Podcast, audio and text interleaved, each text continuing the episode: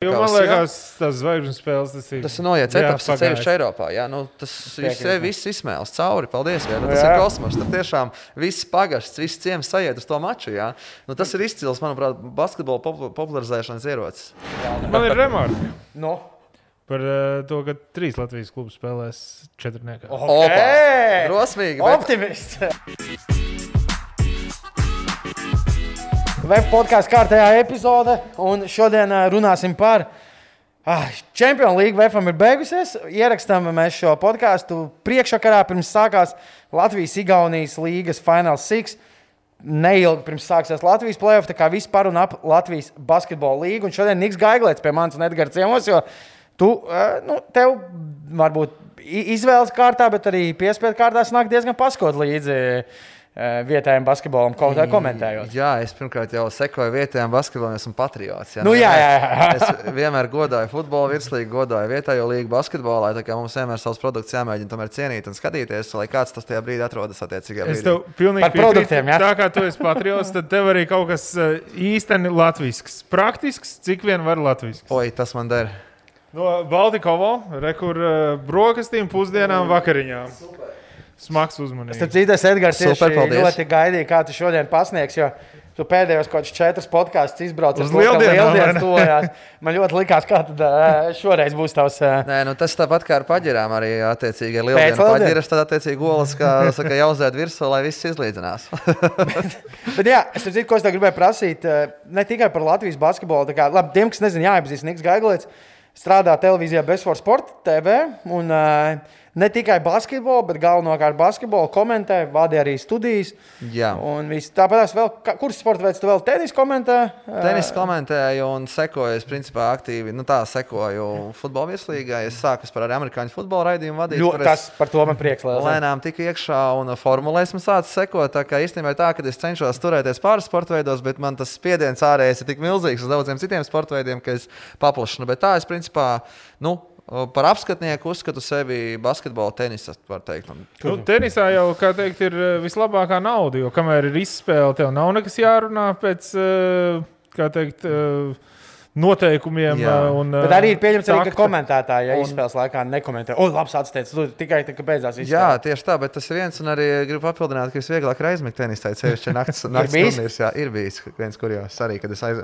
ierados uz tāds vēl samiegojies. Pirmie trīs game bija guļot, un tad uz to pauzi. Rezultāts 2-1.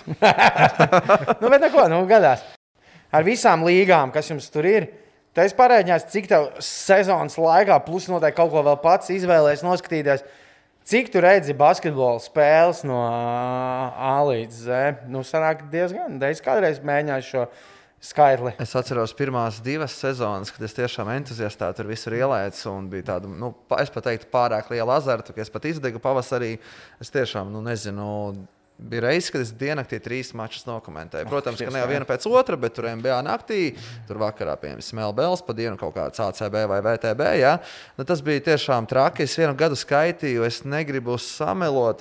Man Instagram ir viena bilde, kur ir man stundas piefiksētas, cik ir pavadītas. Es uh, vispār esmu mēģinājis atrast, bet labi, Paskaties, tas prasīja- paskaties. Okay, es mēģināšu atrast, bet katrā ziņā es uh, sapratu, ka es izdegu.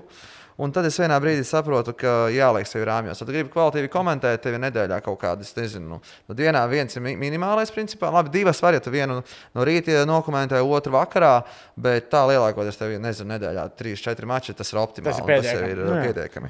Es Tu tūlīt- sit sev pa pirkstiem, ja gribās to basketbolu skatīties, lai, kā lai būtu svaigumiņš un kvalitāte. Jā. Jā, jo tajā pašā sākumā bija es skatījos, ka ne jau nu, es komentēju daudz, ne jau tāpēc, ka es vairāk nopelnīju no tā. Es vienkārši kaut kā biju tādā azartā, tādā uh, vilnī ieraustā basketbolā, un tajā, kā jau katrā jaunā darbā, ja, kas vienkārši tur mauc, mauc, mauc tādā konvejerī, bet uz pavasarī saproti, ka tas reāli, tas gan ir kā fiziski, tas izdedzis, ja, ka tev nav vairs emocijas, ka tu it kā vari runāt, tev it kā pēc sajūtām viss ir kārtībā, bet tu jūti, ka tev nav emociju, ka iedod, ko vajag, ja. Un tad tev jāsāk regulēt sevi, jā, jā, jādomā, cik tu vari komentēt, un, un tu attiecīgi katrā mačā nezaudētu kvalitāti. Mm -hmm. Es uh, tieši gribēju, uzreiz tu pats pieminēji, ka tas noteikti bija pats sākums, ja, kad uh, likās, ka Yes. tā kā. Jā, nu man, man ir bijis līdzīgi ar kādām savām profesionālām darbībām, arī kad sākumā likās, kad es sāku darīt stand-up. Man šis nekad neapniks, jāpiekrīt. Ir pilnīgi visam, desmit minūšu, visur jābrauc uz pieciem pasākumiem dienā. Tad vienā brīdī sapratu, ka tomēr tas arī ir darbs. Bet uh, ko es gribēju par eh, šo basketbolu prasīt. Kā tu, jo es vispār sev neuzskatu, man, pa, man patīk basīts, ja?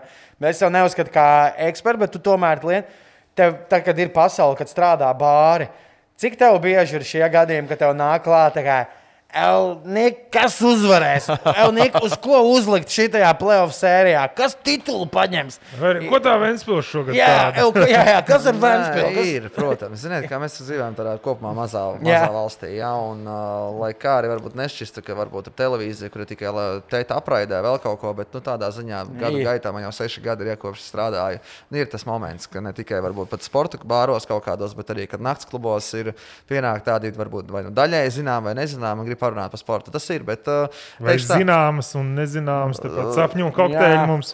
Jā, jā, arī tā ir bijis starp citu. Jā. Atklājām adresi. Jā, viens. Šūtams pirmajam stāvam. Jā.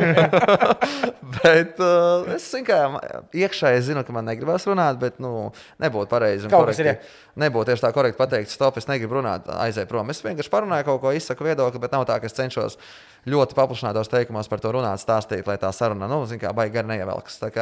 Es kaut kā, ja man, piemēram, piemērs ir daži čomi, kas, piemēram, basketbola treneri, viņi nemāk izslēgties, viņi, piemēram, ir atpūšoties, viņi runā par to basketbolu. Viņi tur stāsta apmēram meitenei, kā, viņam, kā viņa audzēkņiem iet. Ja?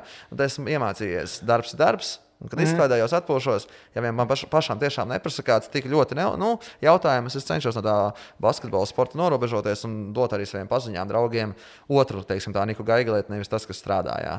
Es par šo gribu. ā, Nu, man par to sporta atpazīšanu mazāk, bet uh, man vienreiz bija mans viens no lielākajiem anxietiem dzīvē. Man īpaši nepatīk dot padomus cilvēkiem, kurus es nepazīstu. Nu, man riebjās, ja, ja kad man prasa padomus, un ja tur vēl ir iesaistīta nauda, jo vienā no agentiskām lokālajiem vinilu bāriem.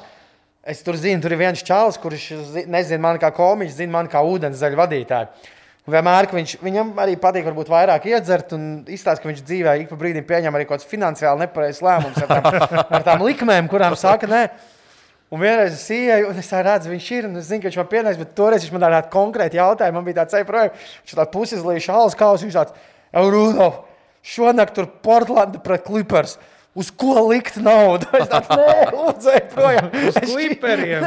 Es tā, es čista negribu tev ieteikt, uz ko likt naudu un tā. Ai, labi, slēdzamies klāt šīs dienas tēmai, tā kā Final Six, Final Six dojās. Ko tu, Nik, vispār kā ā, trešais gads šogad ir labi, šogad savādāk sezona. Kā tu skaties uz projektu Latvijas-Igaunijas līga? Uh, vajadzīgs vai vajadzēja tomēr spēlēt tur savā čempionātā, savā sulā? Jo Nu, tagad es domāju, mēs tev varējām salīdzināt šajā gadā tieši ko nozīmē, ka nav tieši tā. eh, nav tie Igaunijas. Blakām. Jā. Nu, pie tās situācijas, kāda ir. Nu, Ziniet, kā ir pie šī brīža situācijas, laikam tas ir labākais variants. Protams, sapnis būtu Baltijas basketbola līga. Bet, nu, Kāda bija kādreiz? Jā? Jā, ar divām divīzijām. Nu, es jau tagad tā nedaudz sapnī runāju. Ja? Bet, uh, man vispār vēl lielāks sapnis bija savulaik, ka uh, šajā reģionā varētu izveidoties kaut, kas tamlīdzīgs, kā ir uh, Balkānu reģionā Adrijas, uh, reģionā Adrijas līga.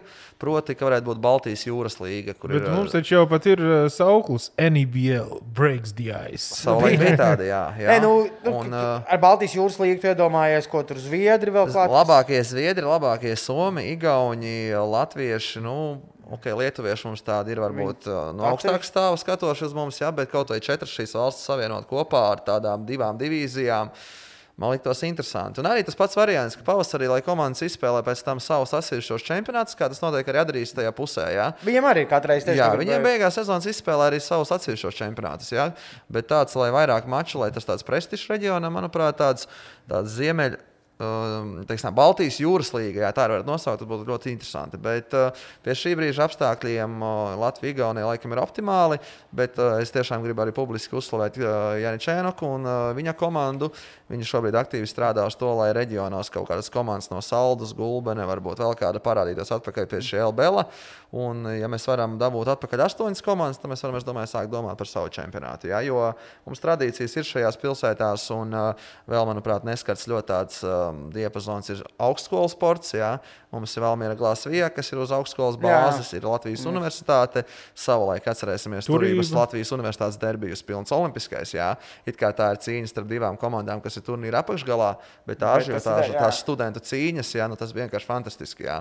Un tas augstskola, manuprāt, sports ir ļoti tāds neskarts, tikai kaut kā ir jāiekustina tie visi rektori, lektori, vektori, jā, lai viņi to, arī tam basketbolam, vispār sportam pievērš lielāku uzmanību. Jo tiešām Jēlgavas, attiecīgi Latvijas Lauksaimniecības universitāte. Mm, Latvijas reģionā var iekustināt, manuprāt, to pašu Daugopils universitāti protams. vai Rēzeknes augstskola, kas ir arī kaut kur tomēr Rēzeknē, tagad ir Olimpiskais centrs uztaisīts. Ir basketbolisti Žanis Peiners, uh, Artims Butjankovs, tas pats Kaspars Ciprus. Jā. Arī, jā. Tā kā ir ļoti daudz pilsētas un tieši arī augstskolas, kur varētu iekustināt un to LBL izveidot. Varbūt, ja ne tik varbūt sportiski spēcīgi, kā mēs gribētu sapņot, ka tur bija ASK, Ventspils, Vevis, bet tad vismaz tādu plašu un ar šo milzīgo lokālu patriotismu. Jā, jo principā jau tas stradiņi tur ar sarkaniem krustiem. Visu, Piemēram, jā, un jo strādājiem arī, starp citu, cik es zinu, finansiālā bāze, lai izveidotu, piemēram, labu basketbola klubu, tur ir pietiekami. Tikai varbūt kaut kur nav gribēšanas vai kaut Un kā arī, arī resursi, teiksim, halles, uh, nu, Protams. zāles, respektīvi, kur varētu Protams. trenēties, tas viss ir. Jā,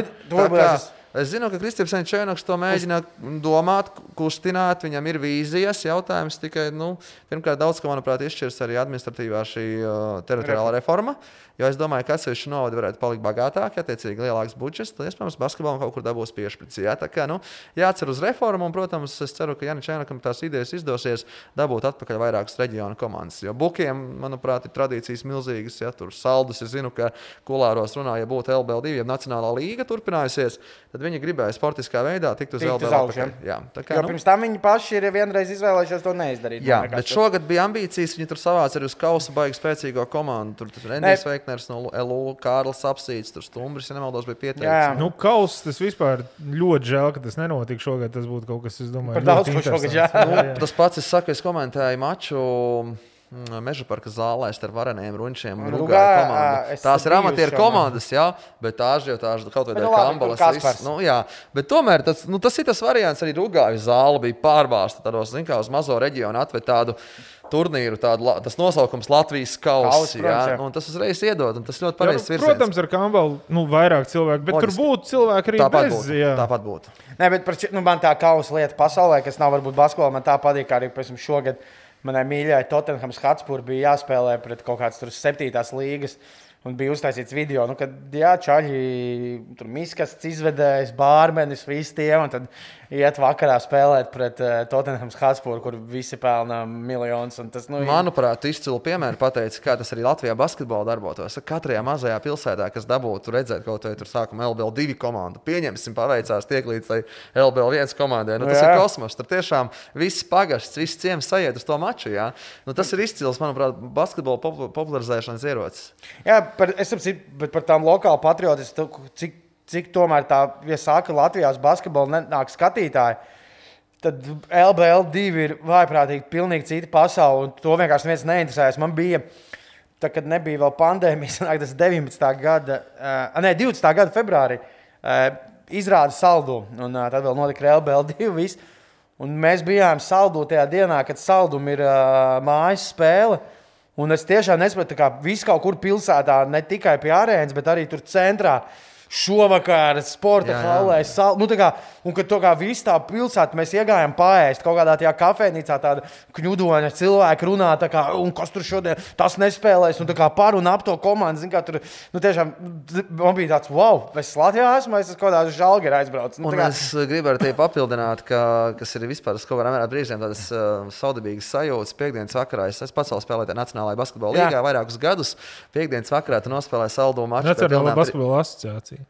basketbola asociācija. jā, sajā, Tas tikai sapņu līmenī palicis. Ir, bet, labi, sapnis, sapnis tas arī vairs nav. Bet, jā, paturpinot, es aizbraucu saldu piekdienas vakarā, nospēlēju pats maču, pie pā- pārbāztām tribīnēm. Un tad man, piemēram, sestdienā jākomentē LBL mačs, kur, ja piemēram, kaut kādā pilsētā, kur vispār nav skatītāju, tad tas ir saudabīgs sajūta. Ja, kad es kaut kādā mērā amatieris pilnīgākais izjūtu Bet- kaut kādu profesionālu attieksmi tādā, nu, no fanu viedokļa. Ja. Tā pašā laikā es nāku no komentēju maču, kurā tie skatītāji interesi vispār ļoti simboliski. Tā, nu, tā, Bet tā gadās, es starp citu esmu bijis līdzīgā situācijā. Atceros, kādreiz, kad uh, vēl nu, ne pat tik sen, pirms gadiem, septiņiem, astoņiem, sporta avīzes aizmugurē bija statistika. Man liekas, tas bija žurnāls sports. Vai žurnāls, un tur rakstīja- sporta avīzē arī. Sporta avīzē bija arī. Jā, Jā. un rakstīja, cik skatītāji ir. Tā bija ļoti smieklīgi. Mums bija, nu, arī zina, amatieri, bet zina, tur draugi ģimene. Es tā amerikāņu futbols Latvijā biju. Mums bija spēle Upsciemā, kur Upsciems bija pārbāzts. Tur kaut kā izskaitīja, kad uh, bija kaut kādi 400 cilvēki bija atnākuši. Nu, tiešām bija daudz. Un pēc tam es nākamajā dienā skatos šo te.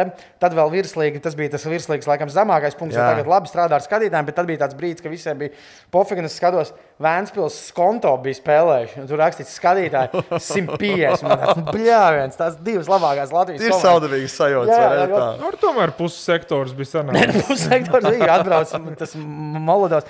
Bet tad tu uzskati, tādā tā ideālā variantā, tev liekas, ka Igaunijas, Latvijas līga tagad labi, eh, jo nav īpaši cita varianta, tā kā redzējām šogad, jā. Bet kopumā tu uzskati, ka Janis Čēnakam pārējai komandai viskrūtākais būtu tiekties. kad Precīzi, ir jā- komandām. Ir Jā. jāstrādā uz savu čempionātu, ir jā- jāliek visas pūles. Es saku, varbūt kaut kur nedaudz pievērot acis sportisko līmeni, bet ir jārada tam uh, savam čempionātam rokraksts, uh, vizītkarte, un pēc tam arī varbūt finansiāli būs labāki laiki un augsts arī tas sportiskais līmenis. Bet primāri mums ir jābūt tādiem ar savu čempionātu un ar. Uh, ar, ar savām šīm komandām. Un, uh, saku, tas kaut vai, saku, kaut vai būs tie rezultāti plus 30, plus 40, bet tās komandas, kaut vai gulbeni pret saldu pirmajos gados savā starpā tiekoties, un tie būs basketbola svētki. Jā. Tā kā, manuprāt, ir jāturās pie sava čempionāta.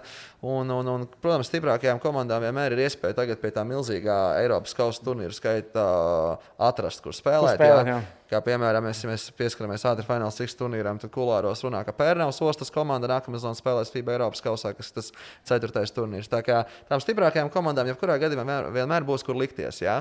Un, uh, pieņemsim, stiprajām komandām pie tāda varbūt sportiski vājāka čempionāta. Lieliski iespēja būtu izmantot tos gados jaunos spēlētājus, ko es gribu arī komplimentēt. VF šozonu dara daudzos mačos. Raivo Butīrins uh, tiek Krūmiņš. izmantots Pēteris Salmiņš, Emīls Krūmiņš. Tā ir iespēja viņiem jā, tajos mačos. Jā? Un nebūtu tā, ka tie spēlētāji būtu tie līderi. Tā, Nu, visa sezonas garumā noelsušies un ar tādu, ka ne, vispār ne, nebūtu iespēja atpūsties. Nu, es- zini, es jau daļēji, man liekas, tajā piekrītu. Jo sevišķi tāda tā kā šī sezona, cik tās spēles bija? Nu, Protams, nē, savs čempionāts ir norunājums, kā mēs runājam, 8, 10 komandas.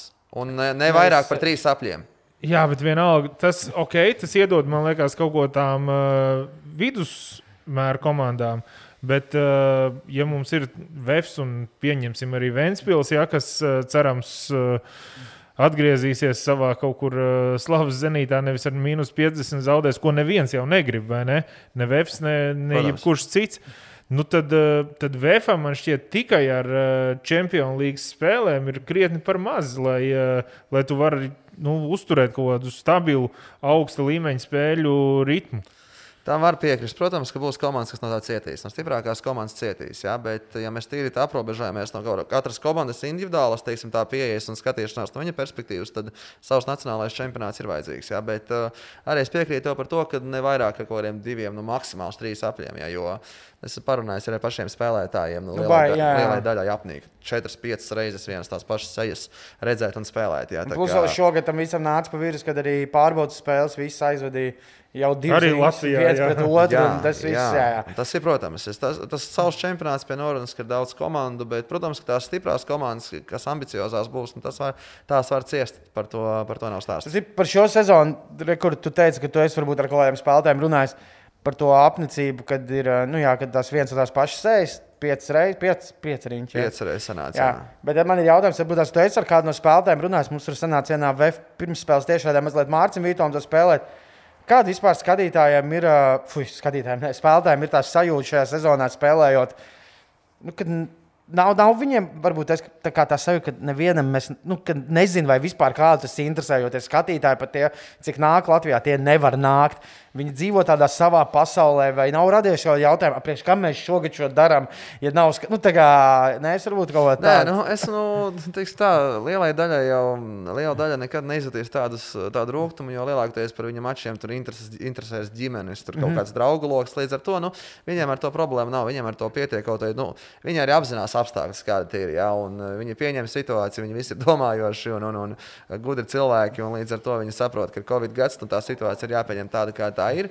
Bet, uh, protams, es domāju, ka viņi ir izsalkuši tie paši web spēlētāji. Man vispār arī baigais rūkums. Ja es uzskatu, ka Vēfs, piemēram, ar šo otrā apļupu spēlēm FIBA Champions League būtu spējuši pievākt pil, pie, pirmo stāvu arēnā pilnīgi mierīgi. Jo, Pilnā kaut kādu mēs esam redzējuši, es domāju, pēdējo 7, 8 gadu laikā. Jā, varbūt. Jā, jā. uh, sezonas. Kopš Valencijas un Bilbao, kad bija arī divas spāņu komandas septiņi, Sula Eiropasā. Jā, bet es, man tāds bišķiņš krobis, jo tas vefs varēja iedot tādu baigi foršo priekš uh, basketbola atpazīstamības un basketbola faniem tādu foršu produktu šajā sezonā. Jā. Un, uh, pieņemsim, papilozofēt, ja būtu kādā brīdī atrauta vaļā kaut vai tiešām tā arēna uz to otro apli, es tiešām fantazēju. Nu, tas būtu jūs izjustu nenormāli. Es pat teiktu, varbūt pat piepildīt tikpat cik Bilbao un Valencijā, ja, jo cilvēki būtu nenormāli izsalkuši un redzēt tādas stipras komandas Latvijā. jā. Turklāt arī superskaists basketbols šajā sezonā. Protams. Nu, gan rezultāts, gan arī pati spēle. Nepavēlu daudz FIBA Champions League ir apskatnieki, kam es sekoju Twitterī. Viņi teica, ka VFRī komanda spēlē vis tādu interesantāko un azartiskāko basketbolu visā līgā. Jā. Nu, kurš beigās gan tika mazliet atkosts uz. Uh, Nu, atkosts viens, bet uh, es kaut kādā mērā aizstāvēšu šajā situācijā. Nu, Covid iedragāja Protams. neiztajā brīdī, jā, un līdz ar to, kā būtu, ja būtu, mēs varētu domāt, ja tur nebūtu, lai kur Matsens palicis Spānijā, tur Aigaram 19. nebūtu. Jā, jā nu, lūk, tā kā mēs varam, protams, par to mēs varam filozofēt. nu, tas, ko es gribēju teikt, kas, Vēfam ar to Covid nep, nep, nepaveicās tajā, jo tur citām Covidām bija arī pirms tam, tur pirmajās, bet tieši, kad tas notika, kad viss pirmais riņķis, ka tev ir reizi divās nedēļās spēles, tad viss kārtībā, ceļo, izceļo. Viss. Uzreiz, kā ir tas, kad būs tagad katru nedēļu spēle pēc pirmā brauciena, bum, divi noslēgumi. Jā. Nu, viss tas aizgāja tik ļoti neīstajā brīdī. Tas bija notika. baisais rūkums, jo es uzskatu, sportiski arī Vēfs otrajā aplī, ko parādīja pirmajā mačā pret San Pablo Burgas. Vēfs bija spējīgi arī kaut kādas trīs uzvaras. uh, Jā, un tur viņi pēc tam salūza. jā. Salūz, protams. Jā, Jā. Un, uh, Ko, ko tajā, kā tu redzi šobrīd, labi, tā situācija ir tāda, Latvijas, Igaunijas eh, līga, tu esi nākamgad direktors, piemēram, nav Covid. Kaut kādas, kādas lietas, ko tu gribētu, ir šī līga, bet ko tu gribētu izmainīt viņā, ielikt klāt, lai, kas tavuprāt viņai būtu vajadzīgs, lai viņa kļūtu pievilcīgāka, interesantāka skatītājiem. Es par kaut ko tādu domāju, ko vēl varētu šajā jau Igaunijas, Latvijas eh, modelī uzlabot. Lai... Nu, es zinu, ka man pirmajā gadā šķita absolūti vispār nesakarīga lieta, ka katrā pusē komandas spēlē ar savu bumbu. Jā, Tas ir kaut kāds vispār. Tā vairs nav. Es pat ne, ar šo zvanījumu es nezināju. Nes- jā, jā, jā.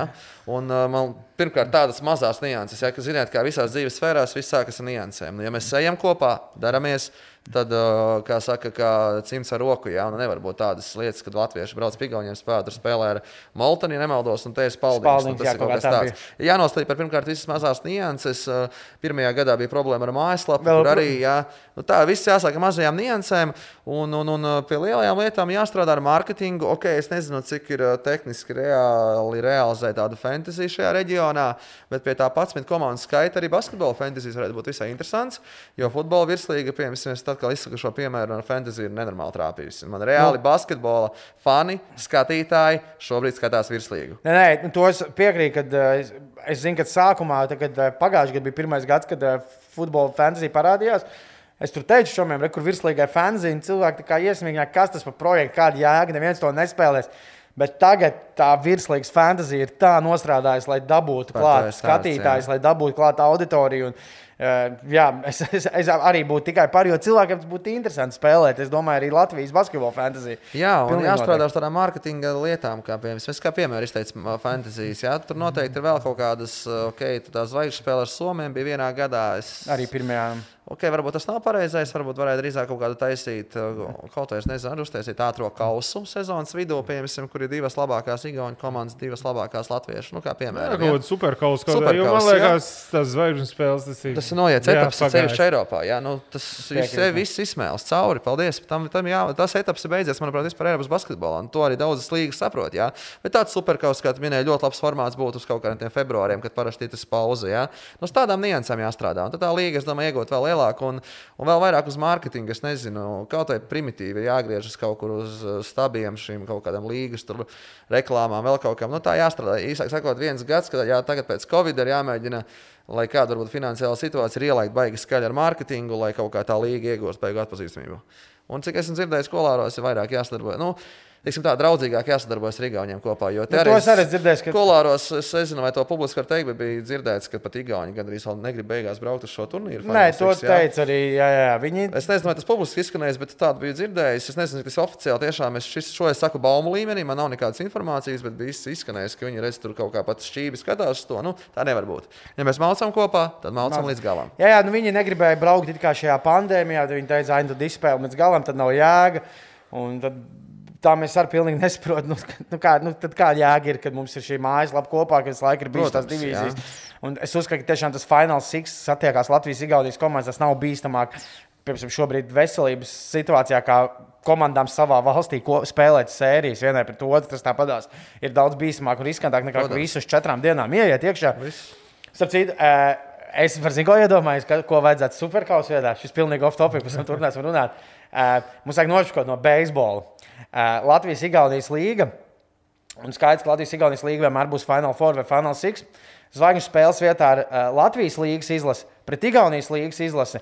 Un tie, kas uzvar, tie hosto Final Four savā valstī. Nu, arī Tie kaut dabū kas, Final nu, Four. Es It kā arī, it kā arī nav slikts, jā, bet tu, tur tas sportiskais, cik tajā mačā būtu, būtu ar tomēr tāds plezīrs, manuprāt, vairāk. Nu, bet tomēr kaut kāds tas uh, ir, burkāns. katrā ziņā tas ir kaut kas starp superkausu un zvaigžņu spēli, kaut kas labāks, piekrīt. Jā. Jo beigās tas superkauts liekas, ka tomēr tās komandas ir tik, cik ir, un tad vēl viens kaut kāds turnīrs. Jo man liekas, jau tā, kāpēc es negribētu. ka Ar Igauniju vēl superkauts, jo man vispār jau liekas, tā kā tādiem amerikāņu spēlētājiem, es par šo daudz domāju, nu, ir grūti vispār tā situācija. Es esmu dzirdējis, ka tā ir bijis pirmajos gados, ok, mēs izcīnām tagad šo Latvijas-Igaunijas kausu vai arī paliekam tur otrajā. Un tad jau tur bez mazai amerikāņu krāmē somas, un tad viņiem saka, nē, mums tagad uh, playoffi. Nē, tas ir vairāk Latvijas cik- par šo esmu dzirdējis par tiem Latvijas playoffiem. Jā, Jā. bet tādā sezonas vidū iesprāžot kausu, kur, piemēram, piesaistām kaut kādu banku, piemēram, ar foršu honorāru uzvarētāju komandai, kas tur spēlētāji reāli izjūt arī no tā kaut kādu vēl pa- papildus finansējumu, tur mēneša algai klāt. Nu jā, pie- Katrs, piemēram, es nezinu, tur komandu, nu, pieņemsim, 10 tūkstoši. Ja?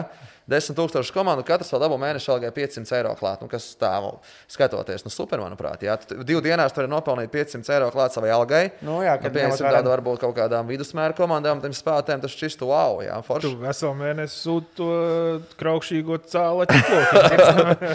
To mēs aizkadrā runājam. uh, ko es gribēju vēl teikt? Uh, es esmu dzirdējis, arī tas gan bija ļoti, ļoti sen. Uh, no pazīstamiem, kas bija klātajā komandā, kad vienam amerikānim arī esot bijuši vienkārši pilnīgi neizpratne. Tā kā zaudēt pusfināla sēriju, kad pateica, viņš arī, nu, visas brauc uz mājām, viņam saka, "Dēļ, mēs tagad par trešo vietu spēlēsim sēriju. Līdz trīs uzvarām tur bijis. Ko? Nē, par to es arī gribu papildus vēl piebilst tās uh, spēles Nav. pa trešajām vietām. Nevienam nav vajadzīgs.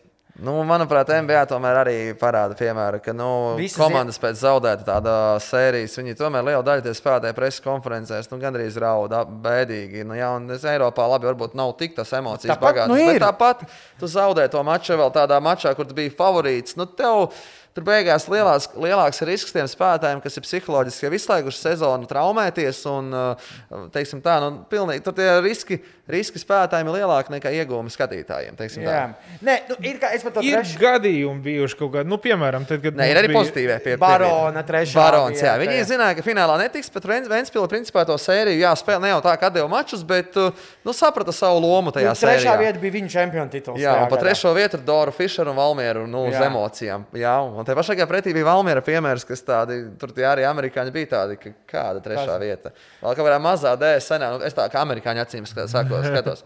Kādā, kādā zālē Rīgā kaut kur nostūrī jāspēlē pa trešo vietu, nu tā. Tam 40 gadīgam Fischeram, jā. Protams, kurš ir bijis. Es, es pilnīgi saprotu, ka pasaules čempionātā var būt spēle par trešo vietu, vai olimpiskajās spēlēs, ka mēs sadalām trešo. Nu, viss. Bet jā, es ar šiem čempionātiem domāju, ka tā trešā Tas vieta tāds baigi diskutabls. Jā, ir rekurors Edgars labs pretpiemērs. Ja ir tām mazajām komandām, tas ir svarīgi. Tas ir viņa tituls, Vai arī jā. vairākus, vairākas sezonas bija pozitīvs piemērs Jēkabils Lūšai. Ja? Viņam ar tā trešā vieta bija nu, Nu jā, vai tur- pilsētā svētki. bi- Nu, reāli. Ogre un uh, jūrmā, Arī kuriem teiksim, nu, ir jā. principiāli tad būt priekšā vismaz tiem, jo Jā. zini, ka tu neiekodīsi VFM Tas vai jā, Ventspilī. jā. Ir tie piemēri. Droši vien tur tā feature ir tajā, ka tev varbūt nav tik liels tas sarūktinājums pēc tā zaudējuma pusfinālā, nu, kas Jā. ir loģiski. Tu objektīvi saproti, ka tu nevari tikt tajā finālā abi divi. Ja? Un tad viņi īstenībā gaida to brīdi, kad varēs pa to bronzu uzspēlēt.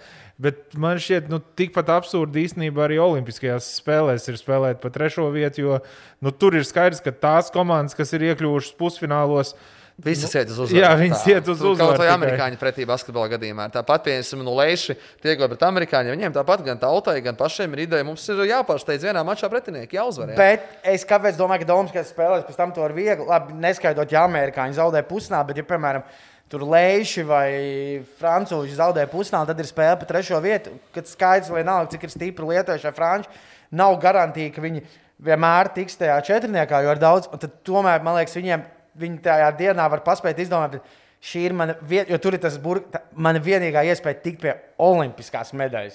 Nu, tas nav. Šī ir mana iespēja tikt pie Latvijas čempionāta bronzas.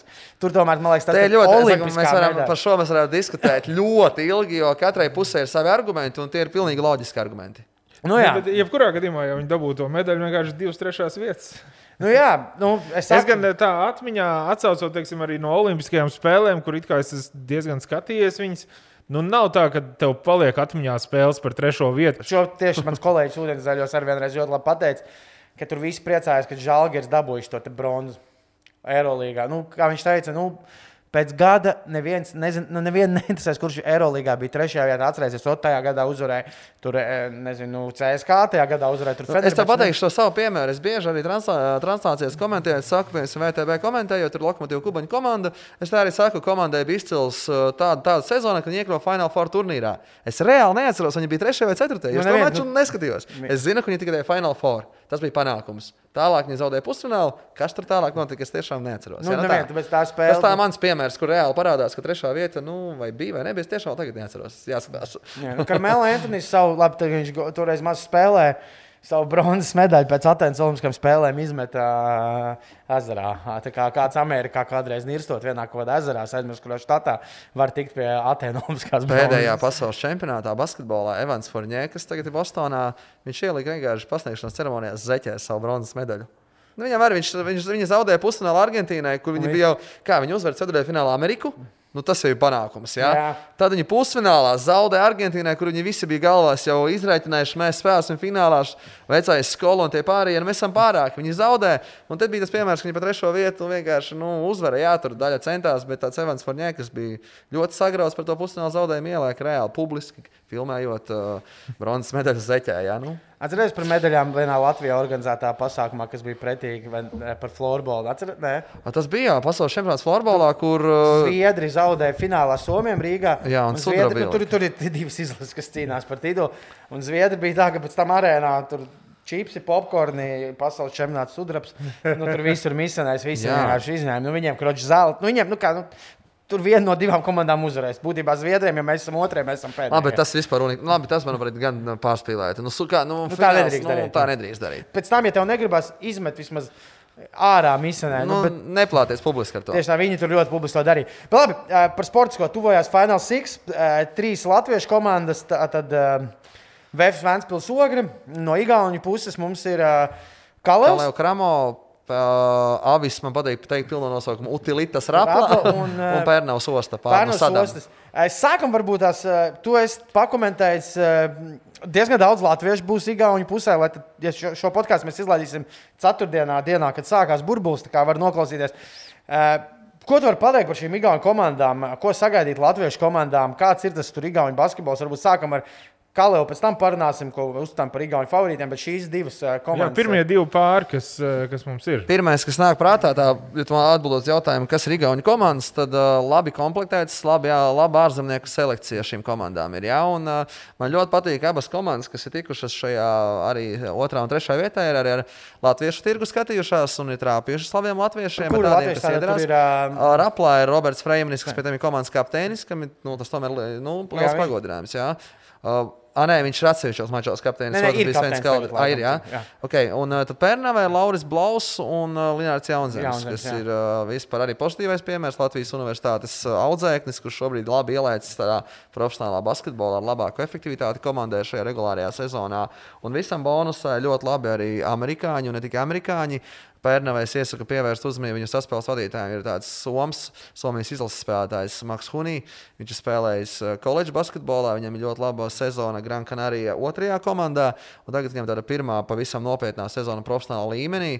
Viņš ļoti labi sevi pierāda. Viņš no Latvijas-Igaunijas basketbola līnijas nopelnīja izsaukumu Somijas izlasi, kur arī vairākos šajos kvalifikācijas mačos bija viens no labākajiem, rezultātīvākajiem. Tā kā ļoti labi šīs komandas trāpījušas ārzemnieku šo selekciju. Piemēram, Raplā ir viens, saspē, viens ārzemnieks, ir uh, Alfa Ruka Minu brālis, kas spēlē MBA.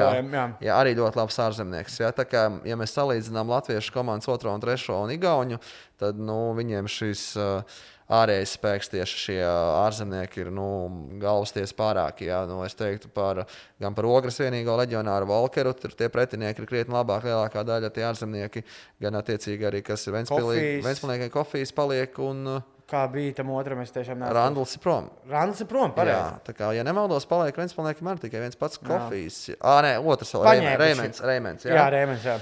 Nu, lūk, un uh, tad pretī viņiem tur bija uh, attiecīgi Rapla, kur ir Freimanis Roberts, kas ir labs spēlētājs, kas labākais cīnīties par bumbām. Tur ir, tur ir tie Aminu, tur ir vēl vairāk amerikāņi. Tā kā, nu, Būs grūti. Ba būs baigi grūti šī tā reize, kad ja mēs parasti skatījāmies, ja tur Vēnspils vai Ogra tiek pret tām uh, otrā ešalona Igaunijas komandām. Nu, mēs tur rakstījām ķeksīti, ok, Vēnspils Ogra ir tālāk. Šogad es teiktu 55 pret 45 drīzāk abās sērijās par labu Igauniem. Bet tad, mani. tad man ir tas jautājums, kas Igaunijā, protams, tas tā sagojis, kas Igaunijā tad šobrīd ir tas? Mm, labi, neskaidrot, jau mēs uzskatām, ka Kalējs ar VF būtībā ir nu, līdzīga līmeņa komandas, abas labākās savā valstīs. Uh, kas vēl, protams, jāpierāda, bet nu, tā kopumā viens spēlē VTB, viens Champions League. Kas šobrīd Igaunijā ir labāks? Kāpēc Igaunija tomēr tās otrā ešalona komandas var uzturēt? Profesionālākas nekā to var izdarīt Latvijā. Es tev citēšu leģendāro grupu ABA. Manī, manī, manī. tas viss ir tur viņiem. Tas bija funny, jā. Bet tur kaut kā sakārtots tās sponsoru lietas no pašvaldības. Jā, jā, jā, jā. Raplai vispār ir interesanta komanda, ka viņiem ir uh, budžeta veido ļoti daudz prie, mazie sponsori. Viņi tur visi arī uz formām ir izreklamējušies. Īsāk sakot, Raplai ir komanda, kurā ir milzīgs atbalsts no vietējiem, dažādiem tur nezinu, lauksaimniekiem, tur vietējiem sponsoriem. Un Pērnavai atkal ir līdzīgā savulaik Ventspilī, kad bija osta ļoti spēcīgs. Nu, nu jā, viņi arī saucās Pērnavas sadalījumā. Tieši tā, un Pērnavai ir lielāko budžeta veido osta, kas ir arī liela budžeta veido un priekš šī līmeņa labu budžetu, plus vēl arī pašvaldības uh, finansējums. Ja? Īsāk sakot, ja mēs salīdzinām ogri, kur ir, protams, ar budžetu kopumā priekš šī līmeņa viss ir kārtībā, Ventspīlī, ok, mēs paši zinām, tur tās savas lietas, ja, kā ir šogad, bet arī kopumā es zinu, ka visiem viss samaksāts, viss kārtībā, bet tomēr no Ventspils nogra, Ventspils ceļš nav vairs tādām, varbūt, ar finansiālu rocību tāda, kā tas bija pirms vairākiem gadiem, ja. Tāpēc tur tas pārsvars arī samazinājies, ja, un ogras gadījumā teiksim tā, Ogrē būtu Kaspars Bērziņš. Es tajā sērijā atdotu visas savas prognozes par Ogrē. Ja? Nu, jā. Ogrē tas viens spēlētājs, kā Kaspars Bērziņš, nenormāli pietrūkst tādā mačā. Var, viņi varbūt uzvarēs. Nu, var, ļoti iespējams uzvarēs. Ja? Bet tāds Kaspars Bērziņš viņiem ļoti izmainās Ogrē ar viņu vai bez viņa. Jā. Bet tu tā padās tagad, uh, jā, nu, Kaspars Bērziņš ir šauļos lietot, bet kā tu tagad skaties, nu tā reāli? Ogra pat ir ja būs sērija, ogra, kas ir Latvijas šobrīd, kā tev liekas, uz papīra, nu, pirms šiem playoffiem, otrs spēcīgā komanda ir tu ceļš vēl kā pēdējā laikā spēlē. Nu, šobrīd ogra, man liekas, pat ir tādi niknāki nekā Vēnspils. Tur ir tā, ka, nu, kā jā, bet vēl tur uzglūna liepāja. Ja viņiem, Arī, būs, jā. ja viņiem būs trāpījuši tādu fizisko kondīciju, viņiem lielākais mīnus tādā, ja mēs skatāmies Latvijas plēsoņā, nu, vispār nav neviens pieredzējis spēlētājs. Mm -hmm. nu, tas liepāja baigi iegriež. Nu, arī jebkura sērijā pret Ventspīlu Jogru, kur nu, būs jātiekas ar kuru no šīm komandām, nu, tā, tā pieredze ir gan Ogrē, gan Ventspīlī vairāk. Jā? Bet uz tādu kaut kādu azartu, uz tādu varbūt kādā brīdī labāku sportisko formu, ja trāpīs tajā pīķī, Liepa arī ļoti bīstama komanda. Kas ir gal galā pierādījis šo zonu vienreiz VF uzvarot. Nu, tas, nu, tas potenciāls viss ir. Jā, viss komandas vinējuši. Bet tā, pa lielam, protams, ka Ventspēlē nogrēja vajadzētu tur būt tām, kas to otro vietu kaut kur dalīs. Bet tie melnie zirdziņi arī lejas galā, tur atsevišķi vēl Latvijā. Okay, un tad par Igauniju, nu, to, to es, es zinu, daudz arī komentējis VTB līniju. Mēs te ņemamies par Champions League. Ko sagaidīt no Kaleva? Kāds, kāds ir šis Igaunijas flagmanis ar diezgan lielu latviešu leģionu? Ko no Kaleva mums sagaidīt? Es tādā runāju ar ekspertiem, vairākiem paprasīju, kas tur ir tuvāk basketbolā. Daudz uzskatīja, ja būtu sērija līdz četrām uzvarām, tad Vēfs favorīti pret Kalēvu. Jā, viennozīmīgi arī viņi pareizi teikuši, bet Kalēvs šo zonu spēlē ļoti, teiksim, tā, ļoti nepatīkamu basketbolu priekš jebkuras komandas, jo tā ir komanda ar vienu džeku, kuram ir uh, praktiski 20 sekundes uzbrukumā bumbarokā. Tas ir Markus Kīns. Kīns jā. Un eh, ar tādu basketbolu viņi uzvarēja šo zonu CSK VTB vienotajā līgā. Īsāk sakot, ir ļoti nepatīkami spēlēt pret komandām, kur vienam džekam ir zaļā gaisma, viņam treneris principā nekādus rāmjus neliek, un viņš var darīt, ko grib, un viņš ārkārtīgi brīvi jūtas. Ja viņam tajā dienā mačā aiziet, ja pretinieku komandā nav neviens, kas viņu spēj neutralizēt, ok, protams, var izdomāt arī komandas aizsardzības, tur slazdus, tur vēl kaut ko, bet kopumā Markus Skīns ir tas spēlētājs, kam jāpievērš uzmanība. Ja viņam aizies mačs, Tieši šajā formātā, kur ir viens mačs, viņš var uh, sadarīt lielus darbus. Jā. Un uh, nav, tā, nav arī tā, ka tur pārējie ir kaut kādi ja vidusmēri spēlētāji. Tur ir uh, ļoti labs Igaunijas izlases spēlētājs, tas Janarī Iesārs. Jā, jā. Ļoti atletisks, labu trīspunktu metienu. Viņam VTB vienotajā līgā nemaldos 46% trīspunktu metienu procents, kas ir nu, superlabs. Jā.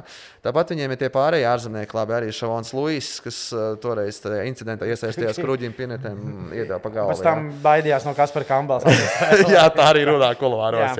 Ir tāds spēlētājs, un arī centrs viņiem ir labs. Devins Tomas, Kreilis. Uh, Viņš teiksim, tā, ļoti atšķirās no jebkura uh, Vefrīga komandas garā spēlētāja. Viņš tāds vairāk old school spēlētājs, pick and roll, viens uz viens kreisie pusēķi. Nu, tāds pragmatiskais. Tā kā... Bet es tam tā viņu skatījos, tur, nu, ja Kaiseram ir laba diena, tad viņš viņu tur varētu arī labi slaucīt Protams, mājās. nē, tādā ziņā tas Tomas nav tāds, kas tur to Kaiseru, kā mēs mēdzam teikt, šargunu izdauzīt. un Tā nav, nē, viņš Kā to izdarīja Šermadīni? Jā, nē, viņš arī nav tik pragmatisks. Viņš tāds ir kā vairāk vecās skolas centrs, bet arī nav tāds, ka tur kā var dominēt kā Šermadīni vai tas pats Rivero, kurš ļoti arī tāds nu, masīvs.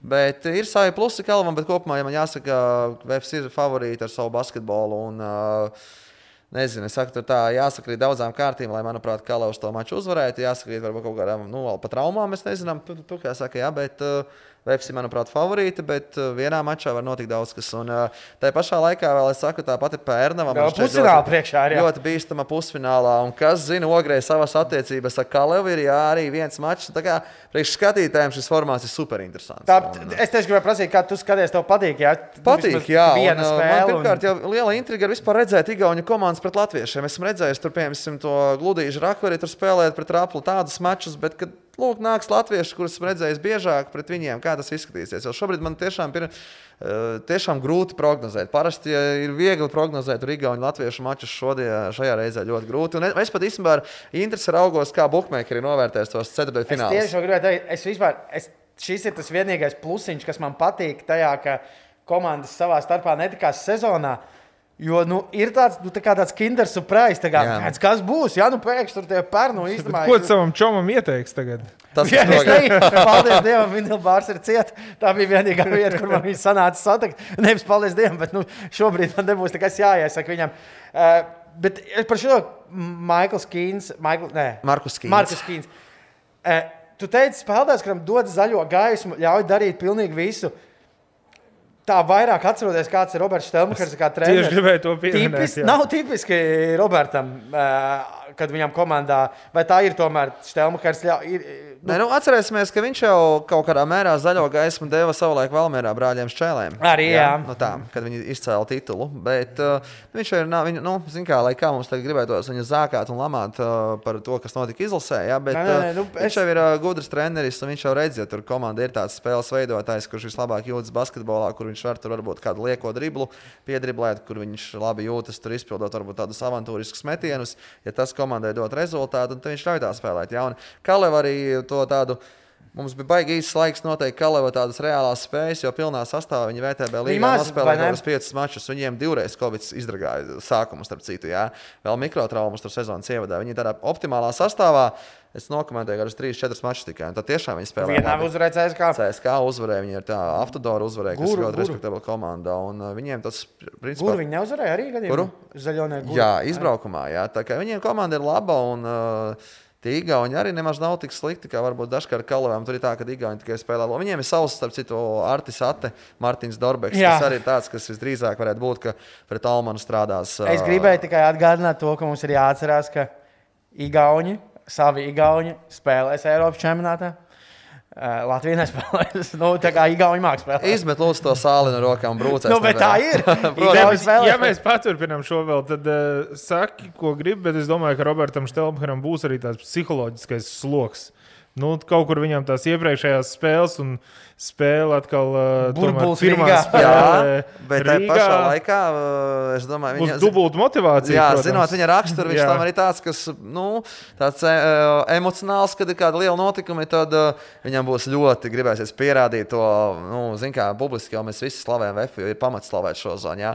Viņam būs tik liela motivācija to VF, ko visi latviešu basketbola fani šo zonu tomēr ļoti slavē un priecājas par sniegumu pamatoti. Viņam būs Uzspēlēt tā dubulta motivācija parādīt, lūk, kā es ar Kaufmani, Kalevu, mēs esam šitā, jā. Nu, Pieminēju cilvēkiem, varbūt tās, kas ir mazāk skatījušies, eh, kāda ir eh, Jāņa Kaufmaņa loma uh, pilnā optimālā sastāvā Kalevā?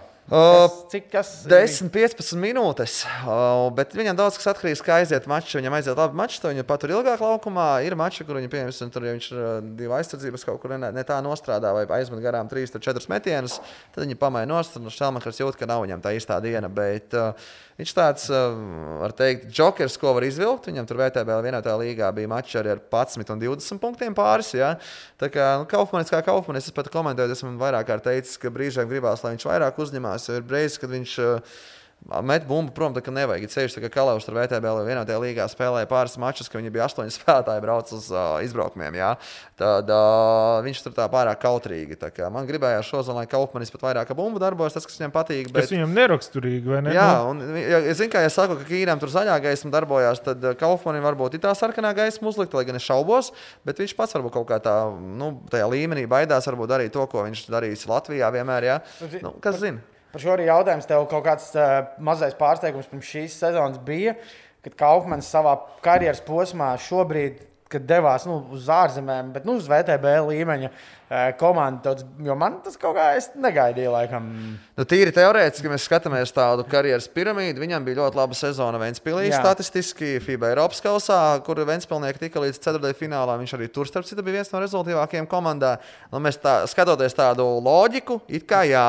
Bet zinot to, ka viņš tomēr ir tāds līderim, jābūt ir. Un... Viņam patīk, ka bumbu, viņam patīk būt labāk tādā, varbūt vidusmēra komandā, būt līderim. Tad nu, tas bija tāds man patīkams pārsteigums. Tur viss cieņa arī aģentiem viņa un arī attiecīgi kā jau treneriem, kas pieņēma viņu komandā, ka redzēja, ka viņam būs loma.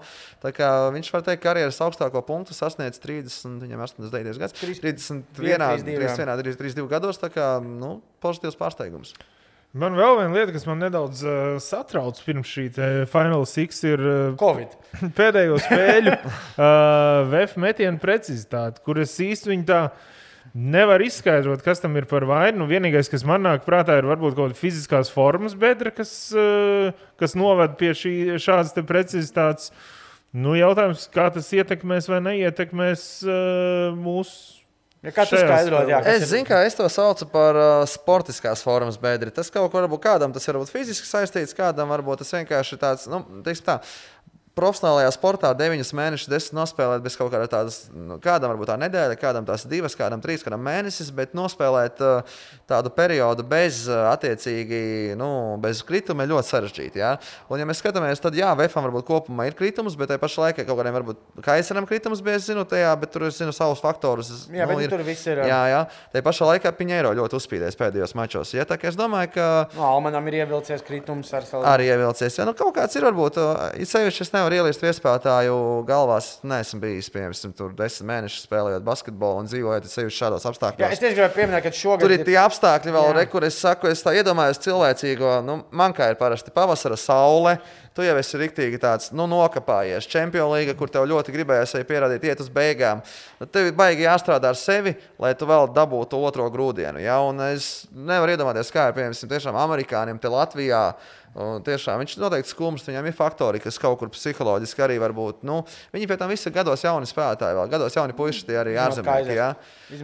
Kaisers. Varbūt vecāks, jā, bet kopumā viņi arī vēl, es domāju, strādā ar sevi, viņi atradīs to motivāciju. Un es domāju, ka tāds Final Six uh, formāts, uh, Jānis Gailīts, gudrs treneris, tur pārējie arī, es domāju, atradīs viņam tādu iedoto dzirksteli. Ai, viņiem, man liekas, es citu, tur viņiem jau nedēļas sākumā bija Championship Week ready. Visi, nu, redz, jā, jā tā ir tas stāsts, ka vienkārši, domāju, spēlētāji, amerikāņi sevišķi tie, kas spēlējuši studentu trakumā, piemēram, ja viņiem pasaka tāds Championship Week, jā, viena spēle. Jā, viena spēle, viņi ir tādi, viņi atradīs motivāciju, un kā, ne motivāciju, bet atradīs, kā ieslēgt varbūt sevi tā, ka atkal ir tāds kā playoff režīms. Es domāju, ka mēs redzēsim pirmā. Es domāju, ka viss būs kārtībā. Cerams, ka tur ir uh, ar motivāciju, tā teikt, un ar gribēšanu tā var atrisināt to nevis. Domāju, ka jā.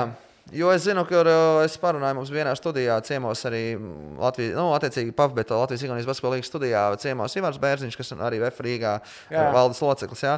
Uh, nu, viņš arī izteicās ļoti atzinīgi par Oskaru Ernsteinu, kas ir fiziskās vadības treneris, ka nu, viņš arī ir uh, profesionāls ar lielo P burtu. Jā, es domāju, ka viņš arī, ja tur tā vaina ir, es domāju, viņš atradīs kā uz šīm pāris mm. dienām tur atkal tos džekus uzzīt tādā. Es domāju, ka būs. Man te ir viens provokatīvais jautājums, ko es ļoti gribēju pajautāt. Atceries šo, šo jautājumu uzdodot. Tu esi vai podkāstā, bet uh, nevajag pielīst, jo es uzaicināju, viss kārtībā. uh, Tuvais Final Six. Nu, uzskatām, ka tās favorīta komandas ir uh, Vēfs un Kalevs. Nu, tā pēc loģikas arī ar vienu spēli tomēr vajadzētu viņām abām, vai nu tur ogrē, vai Vēnspilī, vai Pārne, vai, vai uh, ar aplē, vajadzētu tikt pāri vadītājiem komandām - Štelmkers un Gailīts. Tev ieceļ par kaut kādu Latvijas kluba, superkluba ģenerālmenedžeru. Tev ir jāveido komanda, un tev ilgtermiņā uz pieciem gadiem ļauj, nezinu, tie sponsori izvēlēties. Bet nu, tev komanda veido vai nu ar Stelmacheru kā treneri, vai ar Jānu Gailītu kā treneri. Eh, kuru treneru virzienā tieši kā treneri, kuru tu ej, kurš tev liekas, kurš tāds ilgtermiņā, ar kuru veidot stipru eh, komandu, pie kur, ko tu izvēlēsies? Nu, teiksim tā, es parasti izvēlos visur, kur kaut kas aizvēlas trenerus, kas ir progresējuši līkni, tādu izteikti augstu. Ja? Nu, manuprāt, Jānis Gailīts to parāda. Uh, ka viņam ir šī progresējošā līkne, gadu no gada progresē. Jā, protams, to progresu būs objektīvāk noteikti, ka viņš aizbrauks kaut kur, viņa izmetīs no laivas ārpus Latvijas. Tad mēs tiešām pavisam īstam redzēsim, kas ir Jānis Gailītis. Jā, bet to, ko viņš Latvijā dara un kādā virzienā dodas un kā viņš arī ir Labi, man, es ātri pieskaršos galvenajai tēmai, starp pēc tam. Jā. Bet arī tas, kā viņš jau ķermeņa valoda, kā viņš vispār uzvedās, viņš ļoti audzis gadu gaitā. Jā, ja viņš no tāda nervozā un ļoti aurotāja trenera, kādu es viņu atceros vairākus gadus atpakaļ, tagad jau kopumā ir par tādu.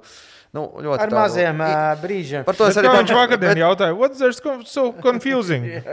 Why are you confused? Jā, bet par to parunāsim vēl par to, te es minēju to, bet kopumā es sliektos Jāņa Gailīša virzienā un, un, un, un Šogad viņš arī parādījis, ka viņš tādu interesantu basketbolu no šādiem džekiem var izveidot jaunu, uh, modernu basketbolu, manuprāt, jo tāds uh, nu, nevis uh, klasisko centra laiks vienmēr būs. Tas nav, nav tā, ka iet vai prom vai atpakaļ, bet viņš man patīk, ka ir izveidojis tādu brīvu basketbolu, mm. kur ir tiem ārējās līnijas spēlētājiem. Brīvas rokas, un es esmu tāda basketbola piekritējis, ātrs basketbols, atletisks. Man patīk to, ko Jānis Gailis paveicis, un uh, es sliektos tajā Jānis Gailis virzienā.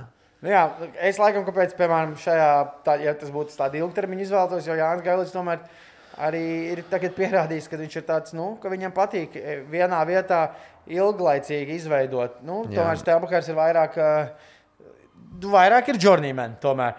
Ja, bet es par to, ka izmaz bez laimes, interesanti. Es pats vēl neesmu noklausījies mūsu Reinas e, studijā. Reinas teica, neko tur precīzi nezinu par līgumiem, bet kā Gailīts runāja par VF nākotni.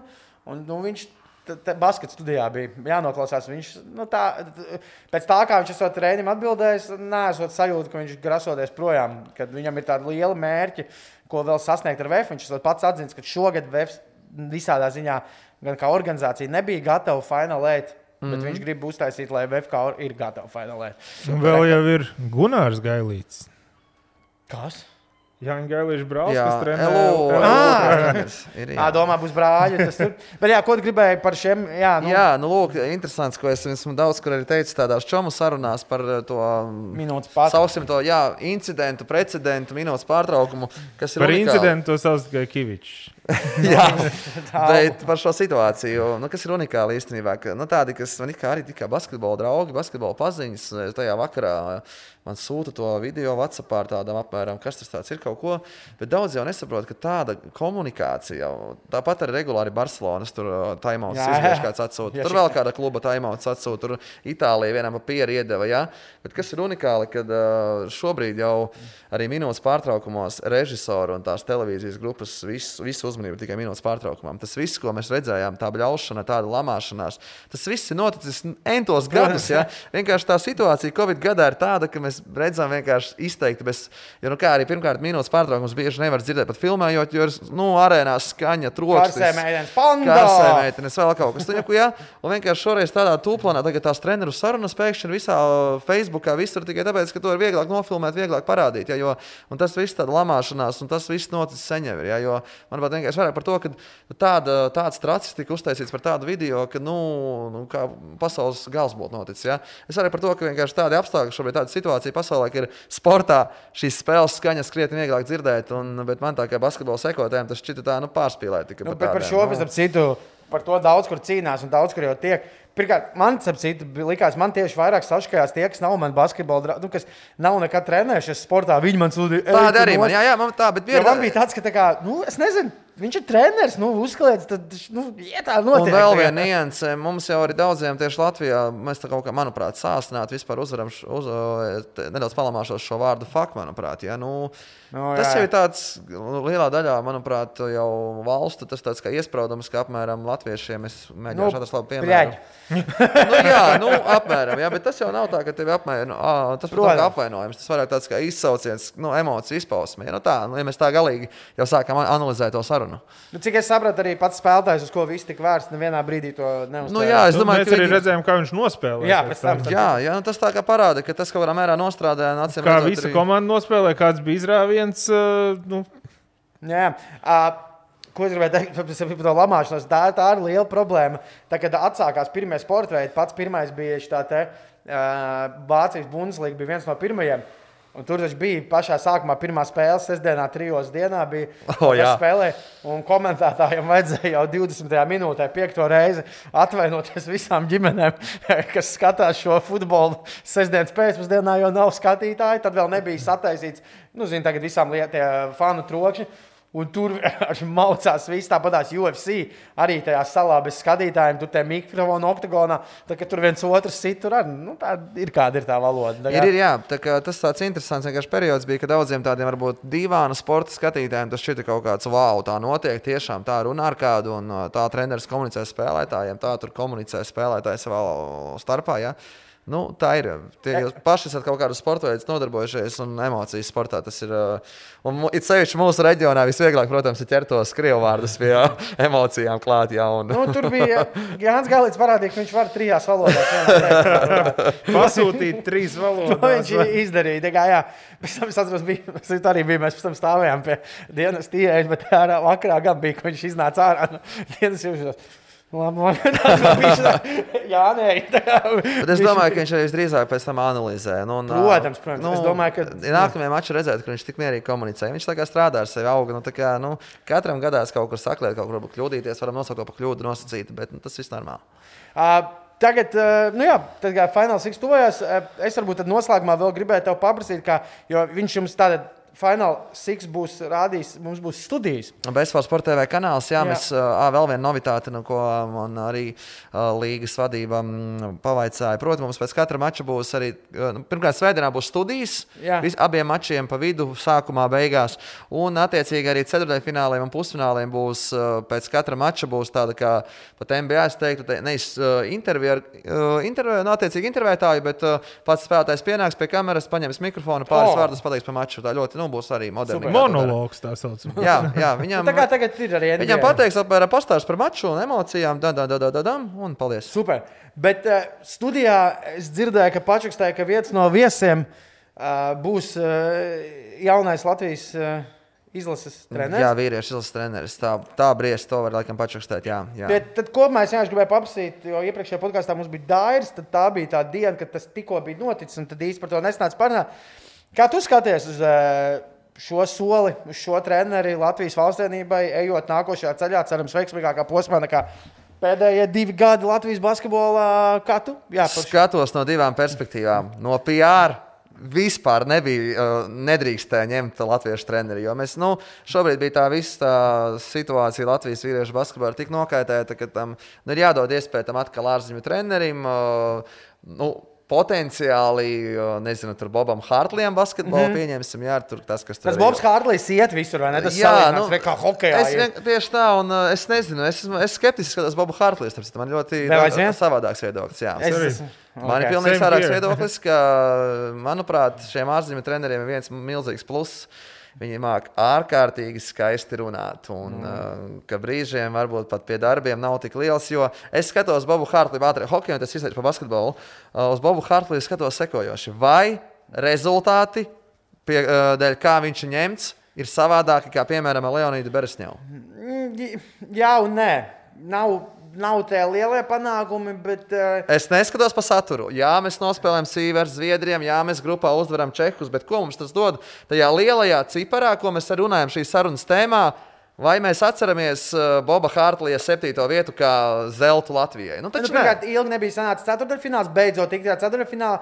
Tas, ko tie rezultāti dod, tas, kur es skatos, tomēr tagad, tajos gados, kad ir tas Hārtlīs, ir tā drošības sajūta tajās spēlēs, kuras ir jāuzvar. Ar to Beresņevu un tiem visiem. Un uh, Beļģaus, ka bija gandrīz zaudējums, tur Francijā gandrīz izkrišana, muļāšanās, tad Hārtlīs vismaz ir kaut kā Nē, nostabils. ok, viņš nodrošina tādu Stabilu. sajūtu, it kā, jā, sajūtu, bet kopumā esmu tas, kas uh, uz šo visu treneru tādu ārzemju sāgu skatās tā vairāk skeptiski, jo Bet tad arī par basketbolu Okay, saistībā. jā, un uh, arī tur, jā, es, es vispār neesmu tas, kas tagad teiks, o, ir ārzemju treneris, nu tik būs. Nu, atcerēsimies, ka it sevišķi pie šiem saudabīgajiem cikliem, tam ārzemju trenerim tiešām ir jāienāk ar visām četrām, lai viņš saprotu Latvijas basketbola vidi, to LBL tiešām, piemēram, saprot, no kurus no tā visā no tā resursa var ņemt. Viņam ir jāsako līdzi Marekam Ejerim Permā, kas kurš šobrīd Tomam Leimanim Minskā, uh, Kristofam Gludītam Rakverē. Viņam Vienam jāsako ast- jā. uh, Dāvim Rozītam Spānijas otrajā līgā. Ja viņš ienāks tikai ar daļu runāšanu, piemēram, un tādu do, cerību, ka viņam būs jāstrādā ar porziņu un brāļiem Bertāniem, nu, tad var sanākt vēl kādi smagi pāris fiasko. Ja viņš ienāk ar visām, kā es saku, četrām, tiešām ar, uh, nezinu, skauto, tiešām skatās šo spēlētājus, zvana ar viņiem, runā, sajūtām, ja visu cieņu var kaut kas sanākt. Bet kā te tev liekas, šobrīd pēc tā viņa, re, kur uz studiju atnāks, tur būs uz tā.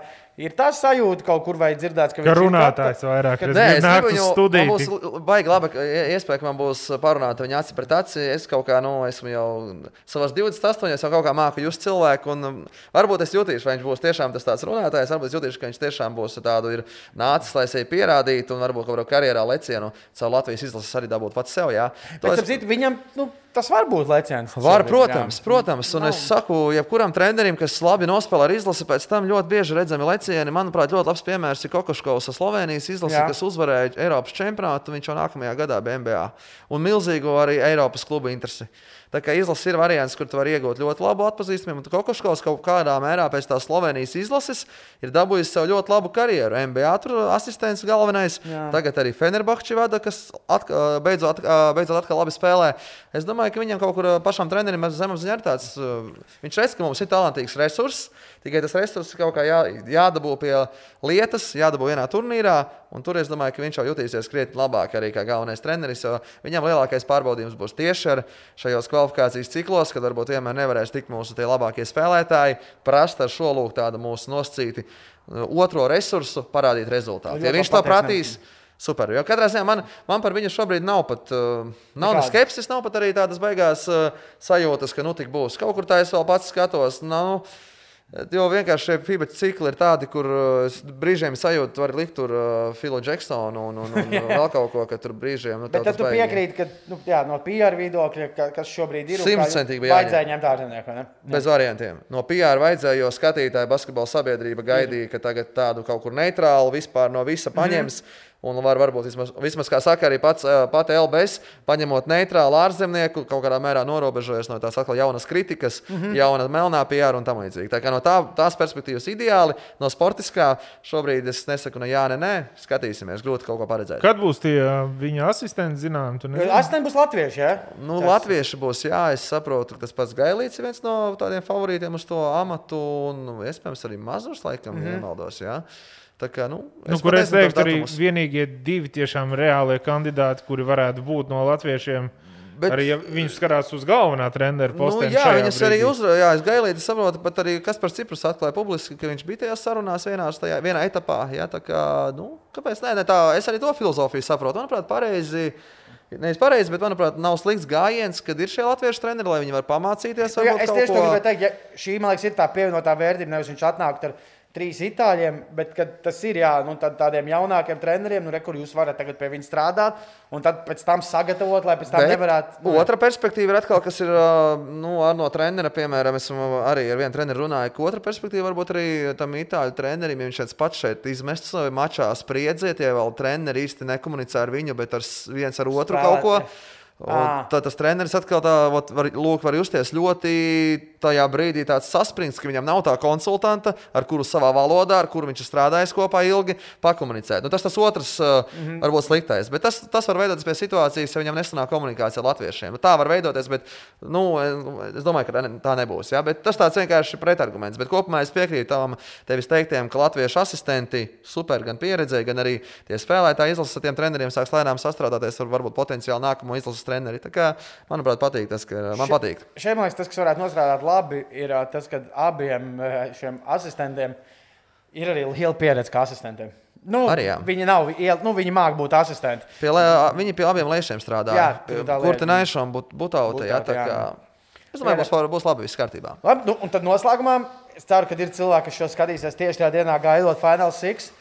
Pirmais, eh, nu, labi, laikam, kāpēc skatīties Final Six, mēs visi izrunājam. Viena spēle būs, būs interesanti. Redzēt, Igaunijas tur nav. Bet, nu, jāprasa, Olas, es dabūju tagad, bal- jādabū, nu, jāno prognozi. Tagad tas, ko man ir iebilst, man prasa. "Ah, Kas uzvarēs? Nu, tā ir tiešām tāda prognoze, piemēram, gan kas ceturdaļfinālos. Nu, mēs runājam aizkadrā. Es, diemžēl, sliecos uz trīs Igaunu komandām un vienas Latviešu komandas uh, fināla četrnieku. Es, godīgi sakot, es parasti uz prognozēm uh, vienmēr nevis izsakos politkorekti, bet prognozēju. Šoreiz uh, man gribās izteikties politkorekti, jo ir baigi grūti prognozēt, bet nu jāprognozē. Jā. Tā tad uh, Pērnava pret Ventspili. Tā, nu, redzot to, ka Ventspils šobrīd ir bedrē sportiskajā. Nu, diezgan pamanām. Pērnava ir. Es tur sliecos uz Pērnavu un uh, Ogre pret Raplu. Uh, tur es, nē, nē atvainojos, Ventspils bija pret uh, Raplu. Vēnspēlim ir aplējā. Un Ogre bija pret Pērnavu. Jā, tad uh, Nu, es tāpat sliecos uz rāples, bet es nezinu. Man Vēnspēlis galīgi nepārliecina vispār. Nu, 50 zāģis un viss tas. Tā, ļauj man vēl padomāt. Es tagad tiešām mēģinu salikt tā apmēram tos, kas kuram plusi ir. Grūti, jā, grūti. Tiešām, eh, labi, zinu, kā, lai nav tā, ka ir trīs gājas liekas, ok, es liecos, ka Ventspils varētu noskriet ar tādu ātru basketbolu, savu brīvo basketbolu, ar ausēju, varbūt ļoti super labu maču, ar gulbju super labu maču, ka varētu to attiecīgi raplu apspēlēt. Ogre pret Pērnavu. Pērnavu, lai gan Ogre ir baigāta šī saucamā pieredze, viņi vienreiz ir bijuši jau tur, tajā Final Four, ar Kalēvu cīnījušies, ar Vēfu cīnījušies godam, ar Ventspili. Bet uh, man baigi pietrūkst Kaspars Bērziņš. Ja būtu, īsāk sakot, mana prognoze, ja būtu Kaspars Bērziņš, es liektos uz Ogri, nav Kaspara Bērziņa. Es tomēr sliecos, ka uh, Pērnam ar savu tādu tiešām labi komplektēto sastāvu uzvarēs Ogri. Nu, jā, un tad labi, par finālu nē, nu, bet cik tev liekas liela? Nu, tomēr tu arī, nu, es vismaz par 90% sliecos, ka šīs ceturdaļas finālis tomēr nevarēs iekost arī vienā spēlē. Jā. Es baigi. Kalēvs bija pret Rap, Raplu vai Ventspili. Jā, vai ne? un uh, Vēfam ir uh, ogres uh, pērnavs. uz- Nu, jā, es laikam ar to mēs liecos, ka finālā būs abas šīs regulārās sezonas uzvarētājas. Nu, finālā grūti, nu, finālā mēs esam Vēf podkāstā. Fināls ir fināls. Izstāstīja savu, savu Jā. plusu, kā Levam. Markusa Kīra sevišķi izskatā un tādā varbūt Roberta Stelmachera milzīgajā motivācijā un arī Atliekties. attiecīgi to pārējo leģionāru interesanto tādās rokās. Nu, Vēfam ir savs interesantais basketbols, ar kuru viņi spēlējuši šo zonu. Un, ja būs saka, šis championship week tiešām tiem džekiem visiem uh, galvā, tad, nu, tur, protams, arī liela plusa Vēfam. Tā kā, nu, Finālam, zinām, kā pat neprognozējām, būs interesantāk arī svētdienas vakarā to visu redzēt. Jā, bet man ir. Tad... Tev ir vēl kāds jautājums, jo man ir tāds pēdējais. Es zinu, kāds niks cilvēks, un es esmu noslēdzošais jautājums. Man ir remarka Nu, par uh, to, ka trīs Latvijas klubi spēlēs četrniekā. okay. Drosmīgi! bet Optimists! Es esmu tikai par to. Jānis Stīvels, Barbas. Es arī gribu atgādināt, pienu. atgādināt klausītājiem, skatītājiem, ka es, protams, ka ļoti ceru, ka arī man komentēja, ka tiešām būs trīs latviešu klubi. No es visām. ļoti ceru, bet nu, tā es centos daudz maz tā, nu, likt sportisko prognozi. Okay, un pēdējais jautājums. Es esmu ievērojis, ka tu komentējot, tev šādi patīk. ka Tu tāds, man liekas, tāds nolūks, tāds nostalģisks džeksais. O, jā. Patīk tāds atmiņas, atcerēties kādas lietas. Runājam šodien par Latvijas līgām, kādai vajadzētu, kas ir. Kas tev ir no Latvijas, varbūt tās Baltijas līgām, kaut kāda tāda, kas tev paliks spilgtākā atmiņa, kaut kas, ko tu atceries, kas bija, piemēram, šis bija krūti, ka tā bija Latvijas basketbolā. Nezinu, kaut kāds tur Baltijas fināls vai kas, vai jebkas, kas tev ir tāda atmiņa? Tu jau laikam manī jautājuma sākumā izprovocēji sliedēm, kur man jārunā, nu kā es Gulbenes sporta skolā sāku pats kā trenēties. Un es atceros laikus, kad Gulbenes buka tajā nevis vecajā zālē, zilajā putnā, bet tajā jaunajā žēlgris ar Tonoka Birdu, ar uh, Braunu, ar tiem atbrauc uz Gulbeni. Un Neticami. Tur principā tur bija tā, ka brauc žēlgra bus un tur blā, cilvēks stāv tā kā rindās, skatās tā kā.